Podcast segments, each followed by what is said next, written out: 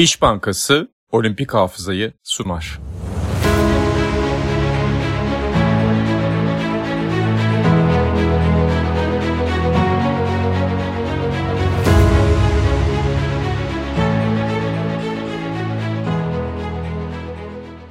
Sokrates Podcast'a hoş geldiniz. Türkiye İş Bankası ile beraber hazırladığımız Olimpik Hafıza programımızda yeni bir bölümle daha karşınızdayız. E, bu podcast bölümümüzde e, Emre Yazıcıoğlu e, ağırlayacağız. Ben Canereler. E, daha önceki bölümlerde olduğu gibi konuğumuzla e, olimpiyat tarihine gideceğiz ve hafıza öykülerinde, Türkiye İş Bankası ile hafıza öykülerinde üç ayrı hikayeye değineceğiz. E, Emre hoş geldin. Hoş bulduk Caner'cim. Emre Yazıcıoğlu deyince bir an korktum ama neyse Yazıcıoğlu ki... demedim ya. Yazıcıoğlu Ya mu dedim? Yazıcıoğlu konuk ediyoruz Ha. dedin ya. Orada bir ses olayı oldu. Biraz korktum. Yani yaklaşık e, neredeyse 18 yıldır e, tanıdığım e, iyi arkadaşımı ve meslektaşımı yanlış anons Ben etmemeye Ben de oradan ki- korktum zaten. Ama biliyorsun senin e, sadece mesleğindeki ünlerlerin değil soyadınla da ayrıca bir ünün var. E, yanlış Teşekkür ederim. yazılması, yanlış Gerçekten. yazılması ve telaffuz edilmesi. Gerçekten öyle zor bir soyad. Hemen seyircilerimize, dinleyicilerimize daha doğrusu. Bak seyirci dedim alışkanlık. Eurosport'ta çünkü daha çok yayın yaptığım Tabii tabii. bir arkadaşım olduğu için Emre ki en son zaten yine olimpiyat oyunları açılış töreninde beraber anlatmıştık. Birçok e, yayın kabinini paylaştık. Yazıcı ol diyoruz. E, hoş geldin. Neler söylersin? Ho- Hoş bulduk Caner'cim. Evet yani yılları devirmişiz seninle beraber ki olimpiyat tabii bu işin belki de en keyifli kısmı oldu her zaman için. Yani 2012 olimpiyat oyunlarını e, açarken ki o kabindeki hallerimizi de hala hatırlarım. O, o bu işin en zirve, en yüksek noktası oldu ki bugün de beni programına olimpiyat konuşmak için davet etmen beni çok mutlu etti. Güzel bir olimpiyat sohbeti yapacağız seninle. Asıl benim için büyük bir keyif. E, davetime kırmadığın için geldiğin için çok teşekkür ederim. Ne demek her zaman. Şimdi her bölümde olduğu gibi e, burada da yine e, bir aslında e, günümüzde ne oluyor bir ona bakıyoruz. Tabii bizim için önemli konulardan bir tanesi 26 Temmuz'da başlayacak Paris 2024 Olimpiyat oyunları öncesinde alınan kotalar. E, onlardan ikisi geçen ay e, dikkat çekiciydi. Birisi Evin Demirhan Yavuz. E, onu hemen e, notunu düşelim. Kadınlarda e, Sırbistan'da düzenlenen 2023 Dünya Güreş Şampiyonası'nda 50 kiloda olimpiyat kotasını aldı e, dünya üçüncüsü olarak. Bu e, önemliydi ki güreş bizim için çok önemli bir branş tabii ki. Biraz belki geçmişten günümüze e, eski etkisini yitirmiş gibi gözükse de Türkiye için ve bazı ülkeler için hala çok çok önemli bir e, spor dalı. E, onun dışında yine e, Gizem Özer e, ki kadınlar boksunda gerçekten e, çok önemli bir yerde Türkiye. Buse Nazlar diyebileceğimiz işte hem Buse Naz Çakıroğlu hem Buse Naz Sürmeneli e, dünya şampiyonlukları, olimpiyat madalyaları derken Gizem Özer de e, ki Elazığlı 22 yaşında e, çok önemli bir genç yetenek. O da e, yine olimpiyat e, kotası alan e, isim oldu. Bu sene Avrupa oyunlarında bronz aldı Krakow'da 60 kiloda. Onu da e, eklemiş olalım. Bunlar önemli haberler. Onun üzerinden tabii ki olimpiyat oyunlarına doğru e, yeni kotalar oldukça ki 2024'ün içinde de e, hatırlatalım. Hem e, olimpiyat oyunları hem de paralimpik e, oyunlar için e, kotalar ya da işte çeşitli elemeler e, oraya gidebilme hakları edebilme e, hakkı elde edebilmek için şanslar olacak bazı sporcular için diyeyim. Ve şimdi yavaş yavaş aslında hafıza öykülerimize geçelim istiyorum. İlki özellikle Türkiye İş Bankası hafıza öykülerinde yani Emre'ye sorduğumda e, hani bir toto yapsam ilk seçeceğini tahmin ettiğim öykülerden bir tanesiydi. O da tabii ki yüzmede, yüzme tarihinin en büyük isimlerinden biri. Avustralyalı Torpedo lakaplı Ian Thorpe'un e, 2000 Sydney üzerinden e, tabii biz bir satır başı koyduk Emre ile beraber ama yani Ian Thorpe'u sadece 2000 Sydney ile sınırlamak hem ona hem de olimpiyat tarihine haksızlık olur diye tahmin ediyorum. Emre neler söylersin? E, Yani e, şimdi neler söylersin deyince çok şey söyleyebilirsin tabii Ian Thorpe'la ilgili. İstersen 2000 Sydney'den spesifik başlayalım. E, Evet. Yani orada ne yapmıştı Ian Thorpe? Sonra zaten hem belki bir öncesine gideriz bir belgesel gibi hem sonrasına gideriz Ian Thorpe'un kariyerinde. Ya Ian tabii 2000 Sydney oyunlarında kendi evlerindeki bu oyunlarda ki çok önem veriyorlardı biliyorsun. Yani her ülke için elbette kendi evindeki olimpiyatta başarı kazanmak önemlidir. Avustralya'nın da e, milli sporlarından birisi yüzme. Amerika ile aralarında çok büyük bir rekabet var. O yüzden Thorpe gibi bir yıldızın çıkması e, ve tam 2000 Sydney'e hazır olması onlar için aslında başlı başına bir büyük tesadüf ve büyük bir şans oldu. E, nitekim Ian Thorpe da hiçbir şekilde vatandaşlarının yüzünü kara çıkarmadı. Oradan 3 tane altın madalya, 2 tane de gümüş madalya ile birlikte alnının akıyla çıkarak yüzmede en fazla madalya kazanan sporcu olmayı başarmıştı. Tabii bu altın madalyalar birincisi en çok sevdiği yarış olan ve uzun bir süre ambargo koyacaktı daha sonra e, bu yarışa 400 metre serbest senin de bildiğin gibi. E, 4 çarpı yüzde e, yine takım yarışını kazandılar ki bunlar çok önemlidir takım yarışları. Tamamen havaya sokar seyirci. 4 çarpı 200'ü de kazanmayı başardılar. Kendisi aynı zamanda 200 serbestte ikinci oldu ki o dönem e, zaten az sonra da konuşuruz.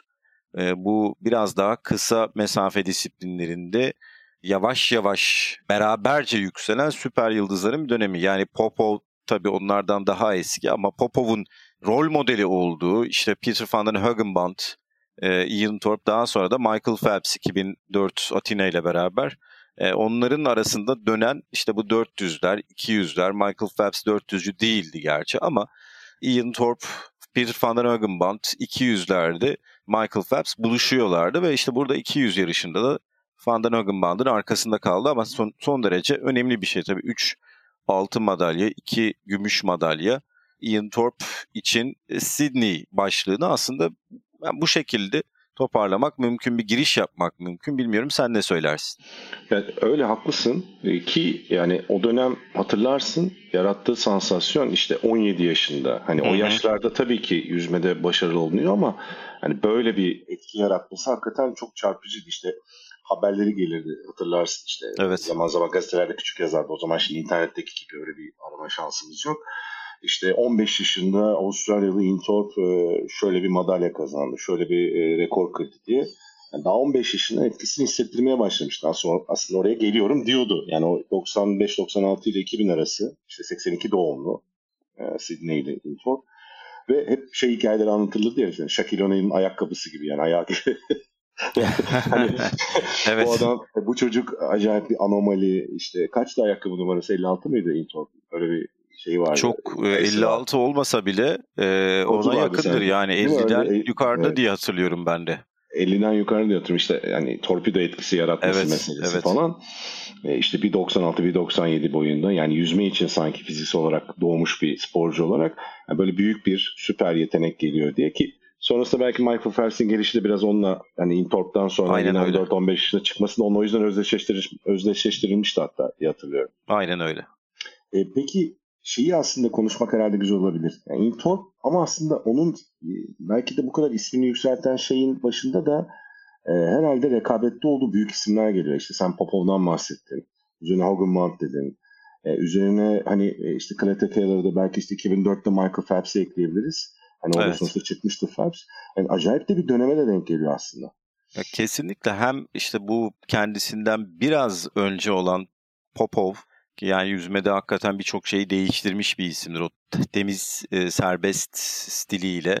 E daha sonra Michael Phelps'in bir anda yükselmesi ama aslında tabii burada Avustralya takımının içerisinde de son derece e, önemli isimler var. Yani Michael Klim gibi bir taraftan Grant Hackett gibi bunlar da tabii kendi takım arkadaşları olarak e, Ian Thorpe'u yukarı çekiyorlar. Aslında bir de şu da var Caner sen e, son derece güzel bir giriş yaptın. Çok 2000 ile beraber insanlar Ian Thorpe'u tanısa da Avustralya kamuoyu aslında çok çok daha evvelden onun aslında ne kadar iyi bir e, potansiyel olduğunu, ne kadar büyük bir e, generational talent olduğunu, yetenek olduğunu aslında çok erkenden biliyorlar. Çünkü 13 yaşındayken işte ulusal e, şampiyonaya gidecek dereceler yapıyor. Hatta 96 Atlanta Olimpiyatına katılacak e, dereceler yapıyor ama oralarda artık tabii çok genç 13-14 yaşında bir çocuk olarak oralara gitmesi yarışmasının kendisi için çok da hayırlı olmayabileceğini düşünüyorlar. Biraz pamuklara sarıyorlar ve onu da biraz böyle sakınarak aslında yavaş yavaş çıkartıyorlar. E, nitekim işte 1997'ler, 98'lerde e, uluslararası şampiyonalarda e, boy göstermeye başlıyor Ian Thorpe. E, zaten işte 98'de kendi evlerindeki Perth'teki e, dünya şampiyonasında altın madalya kazanıyor. Yani 98'de kaç yaşında Ian Thorpe? 16 yaşında daha. 16 Tabii. yaşında dünya şampiyonu oluyor. Hatta yani 15 orada. çünkü Ekim doğumlu. Evet hani, evet 15 yaşında. Öyle bir durumu da var yani. Ekim 13 evet. doğumlu. Çok doğru. Hani, çok doğru söylüyorsun. Resmi hesapla iyice şey yani acayip bir noktaya geliyor. E, e, evet aynen öyle. Yani çok acayip anomali bir yüzücü olarak geldi. Geldikten sonra da beklentileri karşıladı. Ama şunu da tabii aslında sen konuşmak istiyorsun farkındayım. Çağdaşları ya da ondan daha sonra gelen beraber büyüdükleri diyelim işte Michael Phelps fenomeni acaba biraz e, Torp'u kötü etkilemiş midir? Çünkü 2004 yılında şimdi Torp tabii daha zirvedeyken e, bir başka anomali geldi ve o zaman Torp'un bazı sorunları da ortaya çıkmaya başladı biliyorsun. E, kişisel problemleri çok erken yaşta dünya şampiyonu olmak, e, olimpiyat şampiyonu olmak, e, özel hayatındaki problemler bunlar biraz patlak verdi. Bu sporculara olan bir şey. Daha sonrasında ironik olarak Michael Phelps de aynısını yaşadı 2008'den sonra. Hedeflerini evet. gerçekleştirdikten sonra. Yani Michael Phelps'in çok erken gelmesi, Ian Thorpe'un ya da gelmesi genel olarak belki bence Ian Thorpe'un çok hayrına çalışmadı. Yani Michael Phelps gibi bir adam gelmeseydi eğer belki Ian Thorpe'un hem kariyeri daha büyük olacaktı hem konuşulması e, çok çok daha fazla uzun sürecektir diye düşünüyorum. Katılır mısın bilmiyorum. Yani katılmamak elde değil sana. Zira hani Michael Phelps'in gelişi tam 2004 değil. Hatta işte e, Intorp'un o sen bahsettin işte Perth'te çıkışı gibi dünya şampiyonası. Aslında Michael Phelps'in 2001 Fukuoka'da olmuştu. Tabii. Hani zaten e, geliyorum diyordu. O e, karşılaştırmalar başlamıştı diye hatırlıyorum. Bir de şey de var. Yani Avustralya'nın kendi içinde yarattığı baskı da var. Şey bir ülke bir de. Hani sporda beklentileri yüksek. Hani böyle yıldızlar çıktığında ki yakın zamanda da e, sen de çok anlattın. Yani Avustralya yüzmesi tekrar bir yapılanmaya gitti. Kendi içinde yaşadığı sorunlarla. Yani evet. o zamanda da o baskıların olduğu çok konuşulur. E, Intorp'un ondan çok etkilendiği hani bilinir. Zaten yıpratıcı bir yanı da var bu tip olimpiyat döngülerinin e, sporda beklentilerin büyük yıldızlar üzerinde. Ki ona rağmen bu arada hatırlayacaksın sonuçta 2004'de e, sorunlara rağmen gitmiş ve e, yani orada da hala düşünüyor musun sence? Race of the Century mi? Yani yüzyılın yarışı mı o ee, sence? Ee, evet, evet. Yani meşhur e, şey finali, e, 200 finali. Tabii Van den Hagenband, Thorpe ve Michael Phelps'in beraber e, yarıştığı o hala Race of the Century de, de, demek mümkün. Ondan sonra tabii başka önemli damga vuran e, bilhassa Michael Phelps'in kariyerinde yüzme yarışları oldu ama 3 tane bu kadar büyük ismi beraber havuzda olduğu, kıyasıya çarpıştığı bir yarışı hala bu şekilde nitelendirmek bana da daha doğru geliyor. O kesinlikle yani benim için de e, yüzyılın yarışıdır diye düşünüyorum. Ya bir de şey ya hani Hogan Band üst üste yüzü iki kez kazanmış. E, işte tabii, Michael Phelps tabii. gelmiş ortalığı kasıp kavuruyor. Bir de kariyerlerine baktığında bu kadar üç büyük kariyer yani iki büyük kariyer bir araya gelmişti de üç bu kadar büyük kariyer hakikaten evet, çok zor. Ben yani. ben düşünüyorum şu anda tabii ikilik e, çarpışmalar oldu mesela yani Ryan Lochte ve e, Michael Phelps'in biliyorsun ki takımdaşın iki Amerikalının belli e, disiplinlerde mücadeleleri olduğu bilhassa karışıklarda. Bunun dışında Phelps'in sürüklediği Amerika takımının Fransızlarla olan e, biliyorsun o takım yarışlarındaki e, çekişmesi ki onlar da çok güzel yarışlardır. 2008 Pekin'de olan yarışlar. Bunlar da oldu çok e, formda takım ama bu kadar bireysel olarak e, erkeklerde 3 tane büyük kariyer e, ben de çok rastlamadım.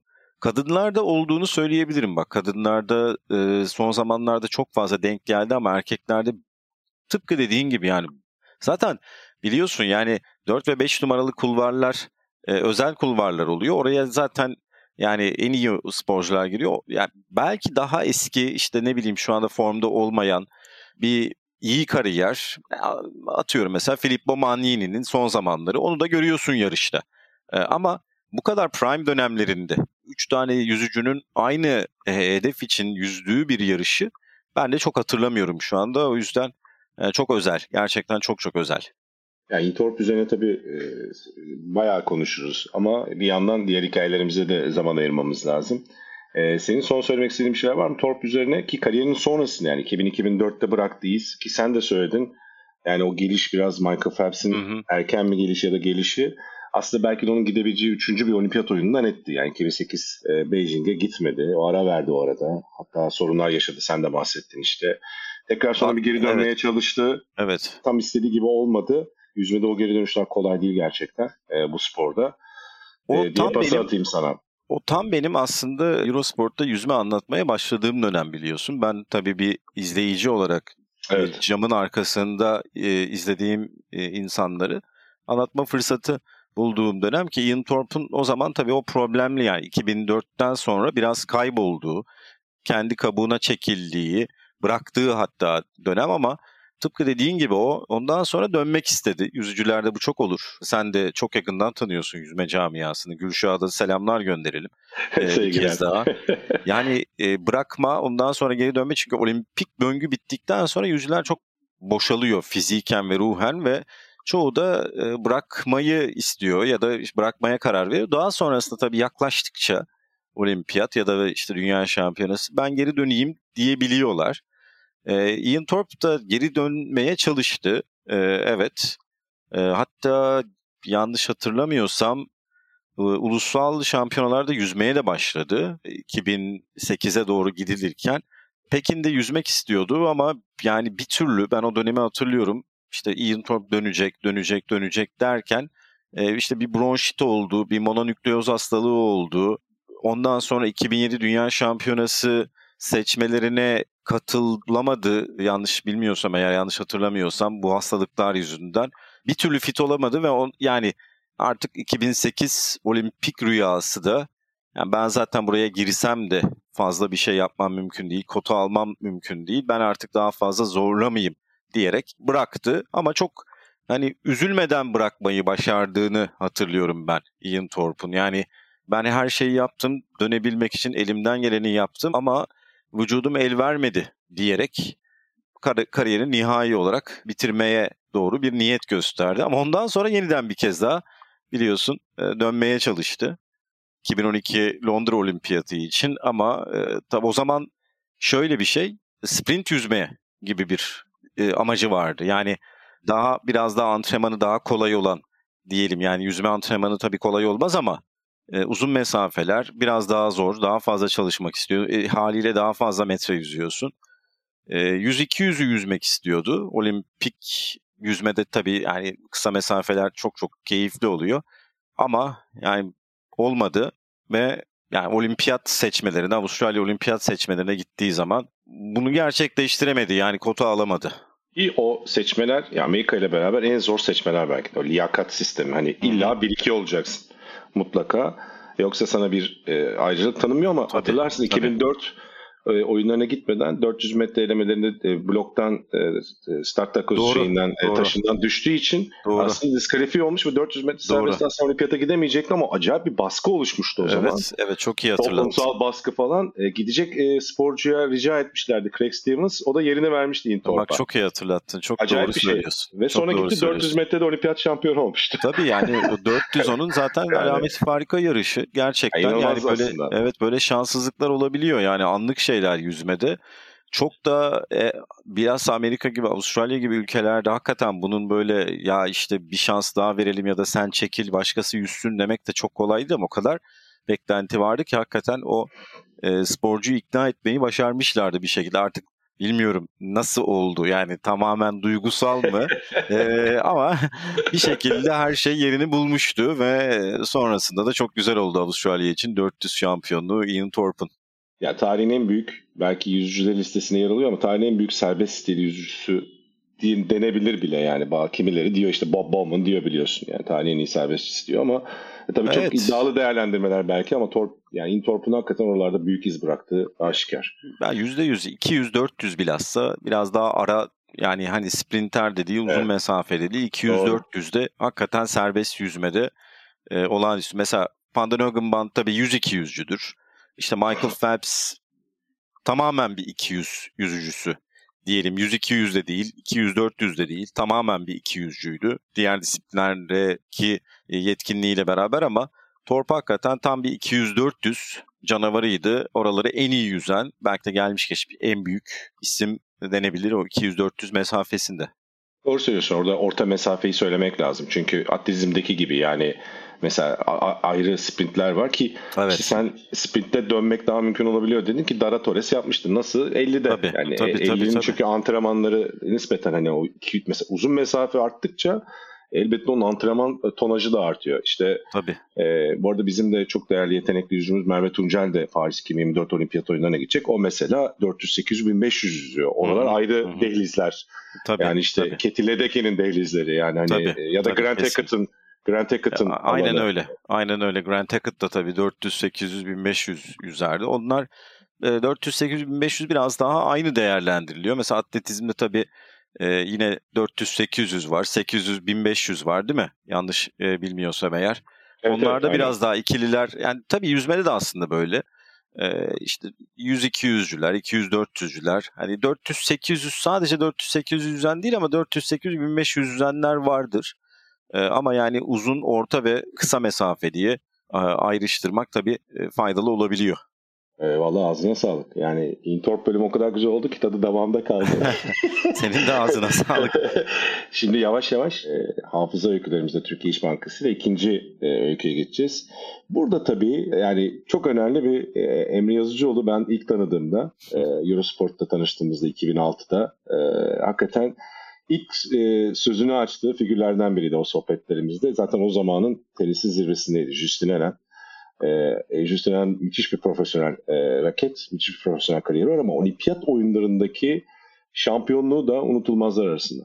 Yani 2004 Atina'da deyip hemen pası sana atıyorum ki e, yani e, Emre'nin Eurosport tarihinde bizim kendi aramızda ekipte e, Justin Eren e, hayranlığı ve Justin Eren'le olan e, bağı ayrıdır. Onu da oradan hemen uzatmadan pas atıyorum kendisine. Estağfurullah. Çok teşekkür ederim gerçekten. O zamanlar hakikaten yani bana hep soruyorlar hangi oyuncuyu destekliyorsun diye. Çünkü çok fazla insanların e, bilmiyorum idrakının almadığı bir şey. Federer, Nadal, Djokovic üçlüsünden işin bu kadar içinde olup da birini desteklememeyi çok fazla kimse anlamıyor. Ben de hep şöyle cevap veriyorum. Benim desteklediğim, hayatım boyunca desteklediğim tek bir oyuncu oldu. Taraftarı oldu, fanı oldum. Şimdi var ya işte sosyal medyada evet. insanlar birbirini evet. kırıyorlar. Ee, bu Federer, Nadal, Djokovic ben e, taraftarlarından. diye ya da Nadal'cısın ya da Djokovic. Tabii öyle şeyler hep geliyor. Ben hepsini söylüyorum. İnanmıyorlar ama. Yani yakın çevrem de soruyor. Onlara da inandıramıyorum ama bununla yaşamayı öğrendim. Hepsine de söylediğim şey var. Senin de e, az önce vurguladığın gibi tek bir oyuncuyu tuttum hayatımda. Tabii ki bunu işe yansıtmamaya çalıştım hiçbir zaman. E, o da Justin Enen oldu. Niye böyle bir e, şey gelişti, bir aşk gelişti? Bunu da bilmiyorum yani çok da bir nedeni e, yani oyununa çok hayran olduğum için ama bir evet, taraftar oyunu, oldum. Oyunu çok etkileyiciydi. Yani çok etkileyiciydi. Tek, tekel be kendine veya evet, oyunun evet. çok yönlülüğüne dikkat çekerdin hep o zamanda. Evet yani kadınlarda bilhassa ölen bir stil. Yani çok fazla o şekilde oynayan varyasyonlu oyuncu e, bulmak kolay değildi. Bizim o, o ilk zamanlarda aslında tabii yani sen de bir 90'lar çocuğu olarak çok daha iyi hatırlarsın. O dönemlerde ya da 80'lerin sonlarında e, böyle daha teknik oyuncular vardı. Bir tanesi işte Gabriele Sabatini.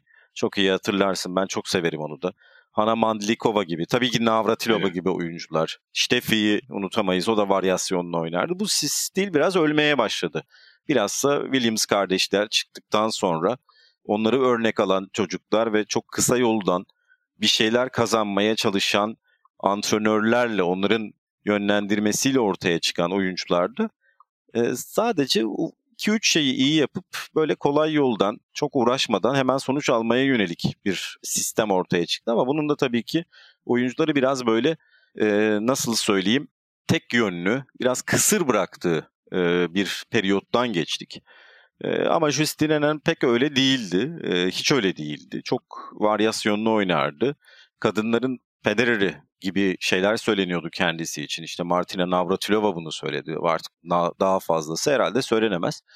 Ben hatta şunu söyleyebilirim. Tommy Robredo vardı hatırlarsın. Robredo evet, İspanyol evet. raket. İspanyol çok e, Kata, Katalan raket. Evet. Örnek aldığı idol olarak belirlediği sporcu mesela Justin Enen. Ben bunu çok iyi hatırlıyorum onun profilinde Hı-hı. gezerken Hı-hı. bunu çok fazla görmezsin yani erkek oyuncularda bir kadını Doğru, örnek doğru. alma. Çok nadir bir şey. konusunu. Yani. Çok Hatta nadir bir şey. olabilir yani. Evet yani benim hiç rastlamadığım bir şey. E, kadınlarda görürsün işte idolüm Nadal, Federer. E, bu zaten vakayı adiyeden bir şey oluyor ama kadın erkeklerde pek görmediğim, hiç görmediğim bir şeydi. Bunlar ne kadar etkileyici bir oyuncu olduğunu e, herhalde anlatan küçük detaylar.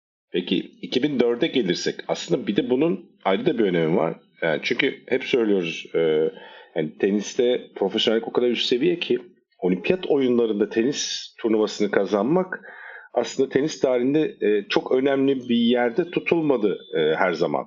Evet. Ama işte 80'lerin sonu zaten hani 88 ilk kez hani madalya verilen hale gelmiş. İşte Steffi Graf'ın efsane Golden Slam'i 88 Evet. Seul'le beraber. O yüzden 2004 daha da taze yani 4 yılda bir olimpiyat oyunlarını düşünürsek. Ama Enen çok ağır bir sağlık problemi yaşamasına ve 3 ay antrenman yapmamasına rağmen gitmeyi tercih ediyor ve rahat bir kafayla gidiyor. Aslında o süreçte bu olimpiyat altınını ve şampiyonluğu e, ayrı değerli kılıyor diye tahmin ediyorum. Kesinlikle öyle. Ee, ya zaten e, şöyle de bir durum var. O dönemde dünya bir numarasıydı ve aslında Federer'le birlikte kariyeri e, çok paralel gidiyordu orada. İkisi de 2003 yılında ilk Grand Slam'lerini kazandılar biliyorsun. 2003'te Federer Wimbledon'ı kazandı. Enen Fransa açığı kazandı. Daha sonrasında İkisi de tekel backhand. E, evet ve ikisi de daha sonrasında evet. e, Amerika açığı mesela Federer Wimbledon'ı kazandıktan sonra Amerika açığı kazanamadı. Ama daha sonrasında Avustralya açığı kazandı 2004'te. E, Enen 2003'te Amerika açığı da kazandı. 2004'te Avustralya açığı da kazandı. Böyle kariyerleri paralel ilerlerken ikisi de olimpiyata tabii e, 2004 olimpiyatına gidilirken bir numara idiler ve e, en büyük favorilerdi. Ama tabii biliyorsun Federer e, orada bir Berdik mağlubiyeti yaşadı. Ama e, bir numaralı seri başı olduğu e, olimpiyatı kazanmayı başardı Justin.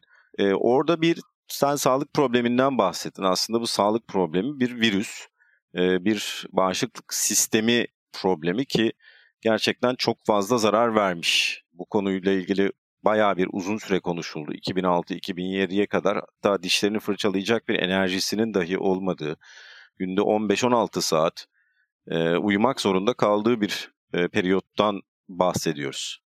Çok ağır gerçekten. Ki yani tenisin fiziksel olarak maç içinde ne kadar e, sizi yıpratan bir spor olduğu da yani fiziksel e, talepler Tabii. olduğu da aşikar. Yani Bir de ki e, tabii çok da iyi raketlerle de oynuyor. Final Ameli Moresmo ile oynuyor o dönemde. Evet.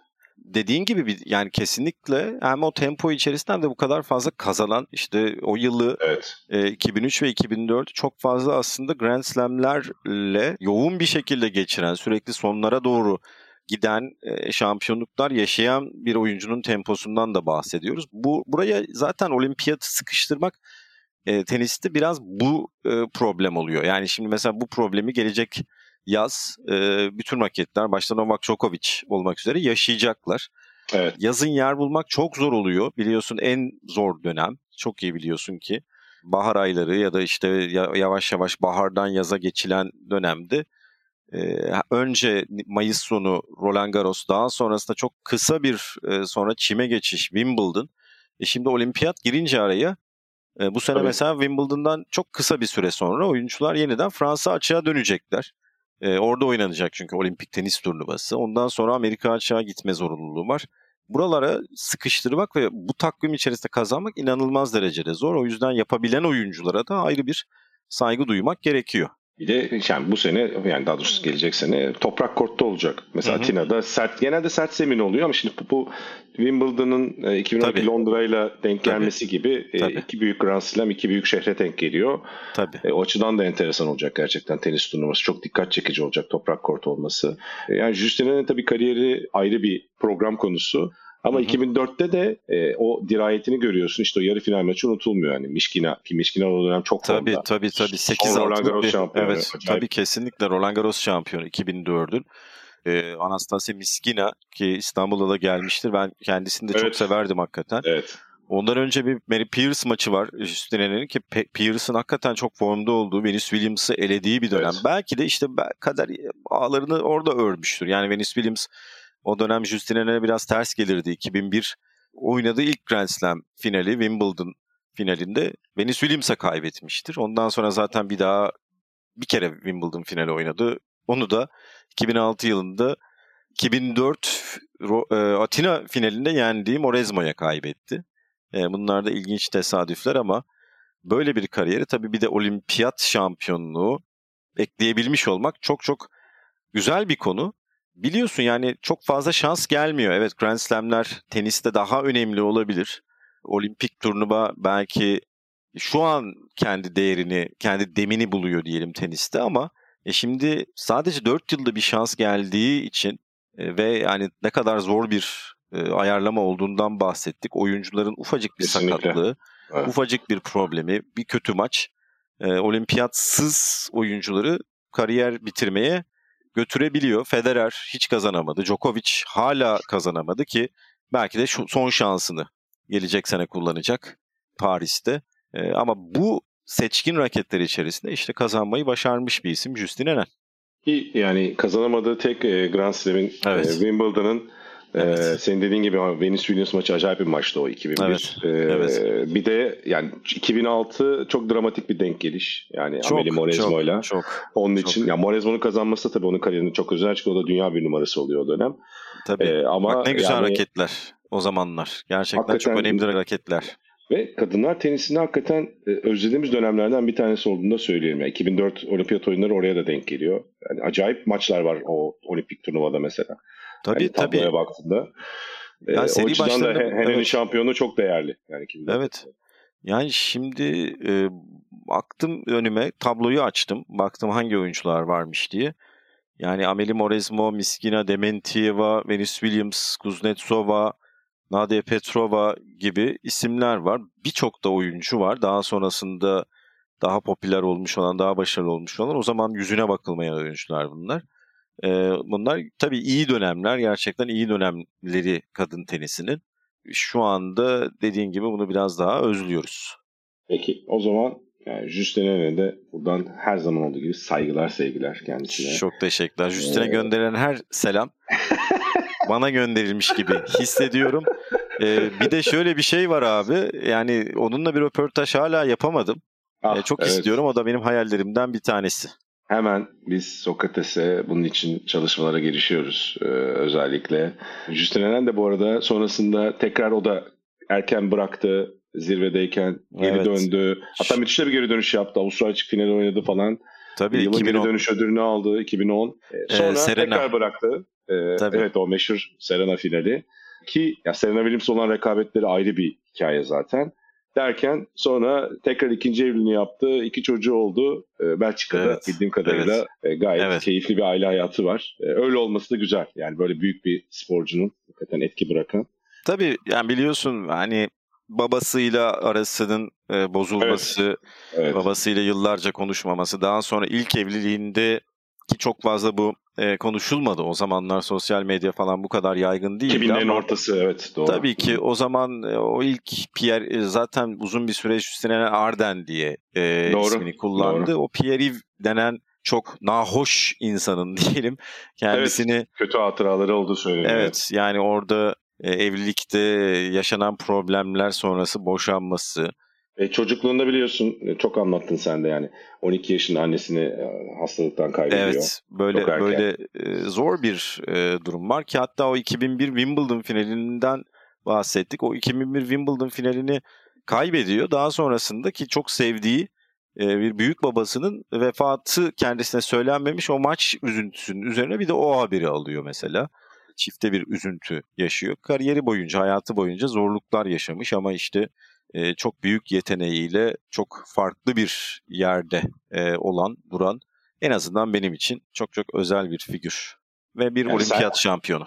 Seninle en önemli konuşmak büyük keyif hakikaten. E, çok ee, mut, benim mutluluğu da hak ettiğini düşünerek hep mutlu olsun diyoruz. Peki son hikayemize geçiyoruz. E, Türkiye İş Bankası Hafıza Öykülerinin Olimpik Hafıza programımızda. O da e, tabii sen voleybol konusunda da yıllardır izliyorsun, takip ediyorsun, anlatıyorsun da e, herhalde Beijing 2008 ve Londra 2012 olimpiyat oyunlarında üst üste ki voleybolda yani üst üste madalya almak kolay değil.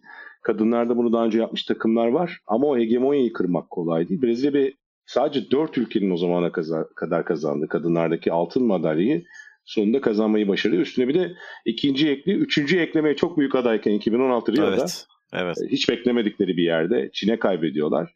Ve yani bir Küba gibi 90'larda 3 üst üste altın alabilecek bir takım neredeyse o başarıyı elde etmeye yaklaşan ama iki, üst üste iki altını da alabilen bir takımdan bahsediyoruz. Hakikaten e, herhalde voleybol tarihinde en unutulmaz ekiplerden biri diyebiliriz değil mi o e, Brezilya kadın voleybol milli takımı için? Ya %100 diyebiliriz. Başta tabii Z hoca yani Z Roberto ile birlikte ki Z daha önce erkek takımıyla da e, biliyorsun önemli başarılar imza koydu. Daha sonrasında kadınları devraldı 2008'de ki çok iyi bir omurgaları vardı. Yani o dönemki takım bayağı bir taşıdı Brezilya'yı. E, işte Sheila Castro ki ülkemizde zaten forma giydi.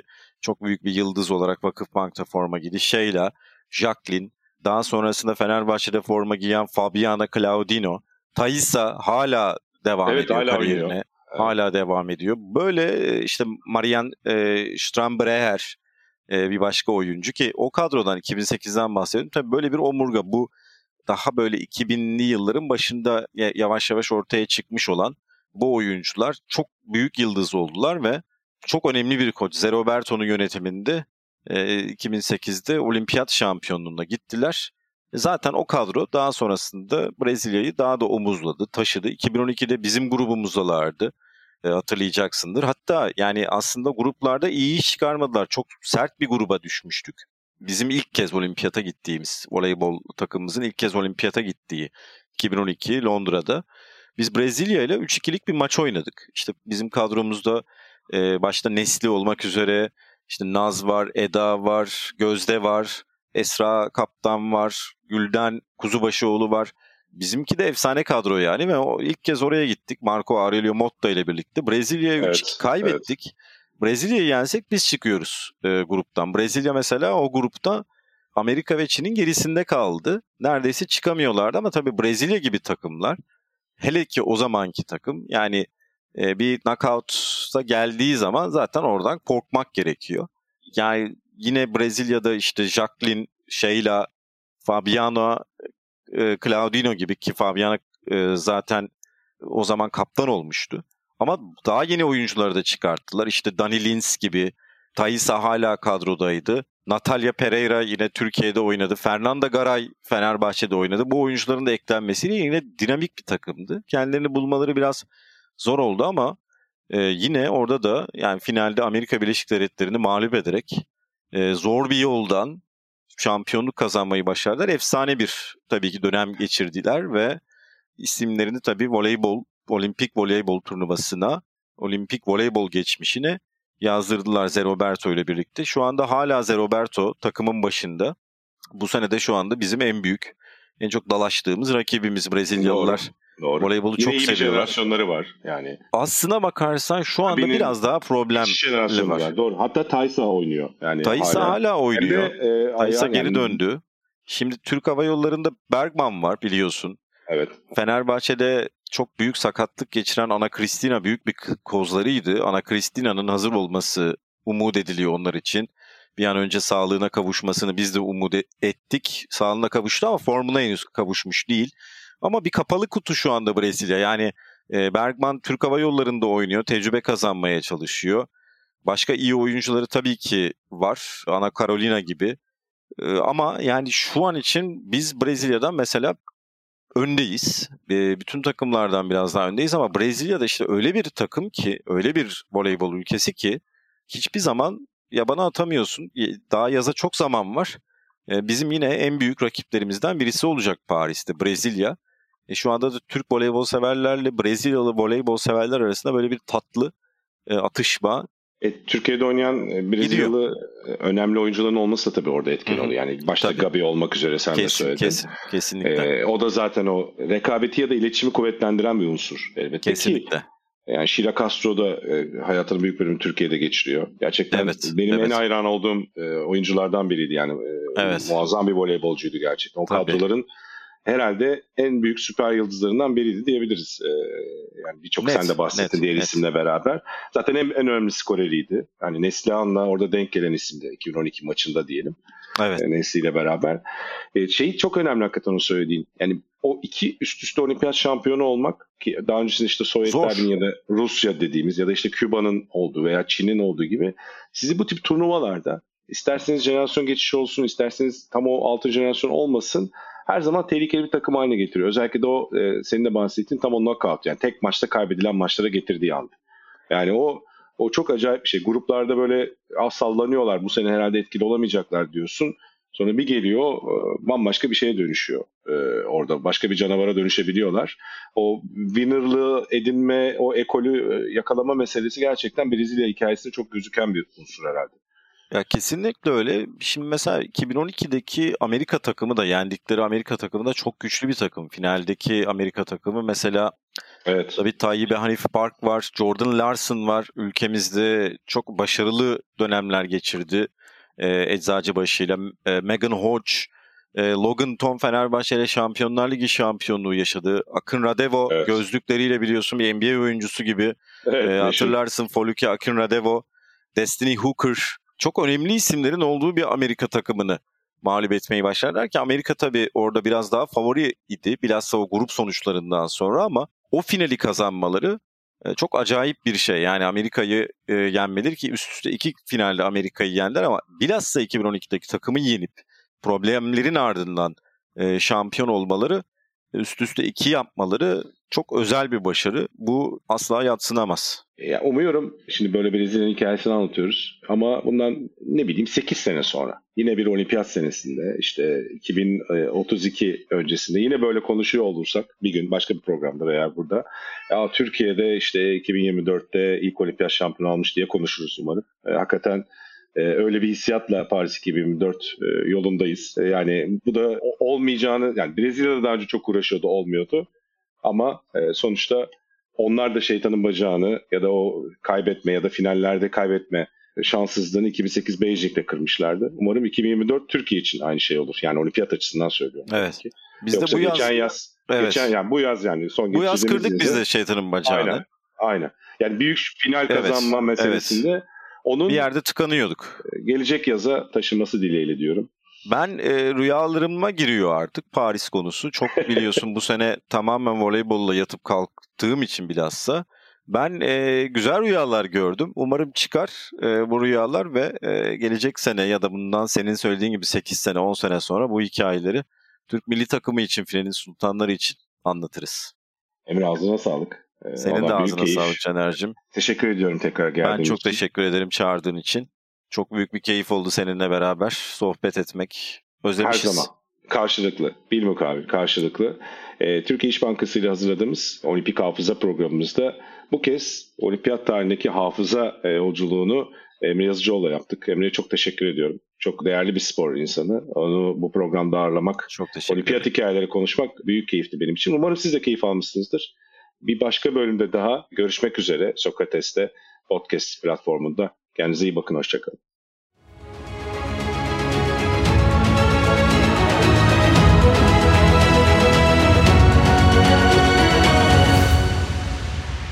İş Bankası Olimpik Hafızayı sundu.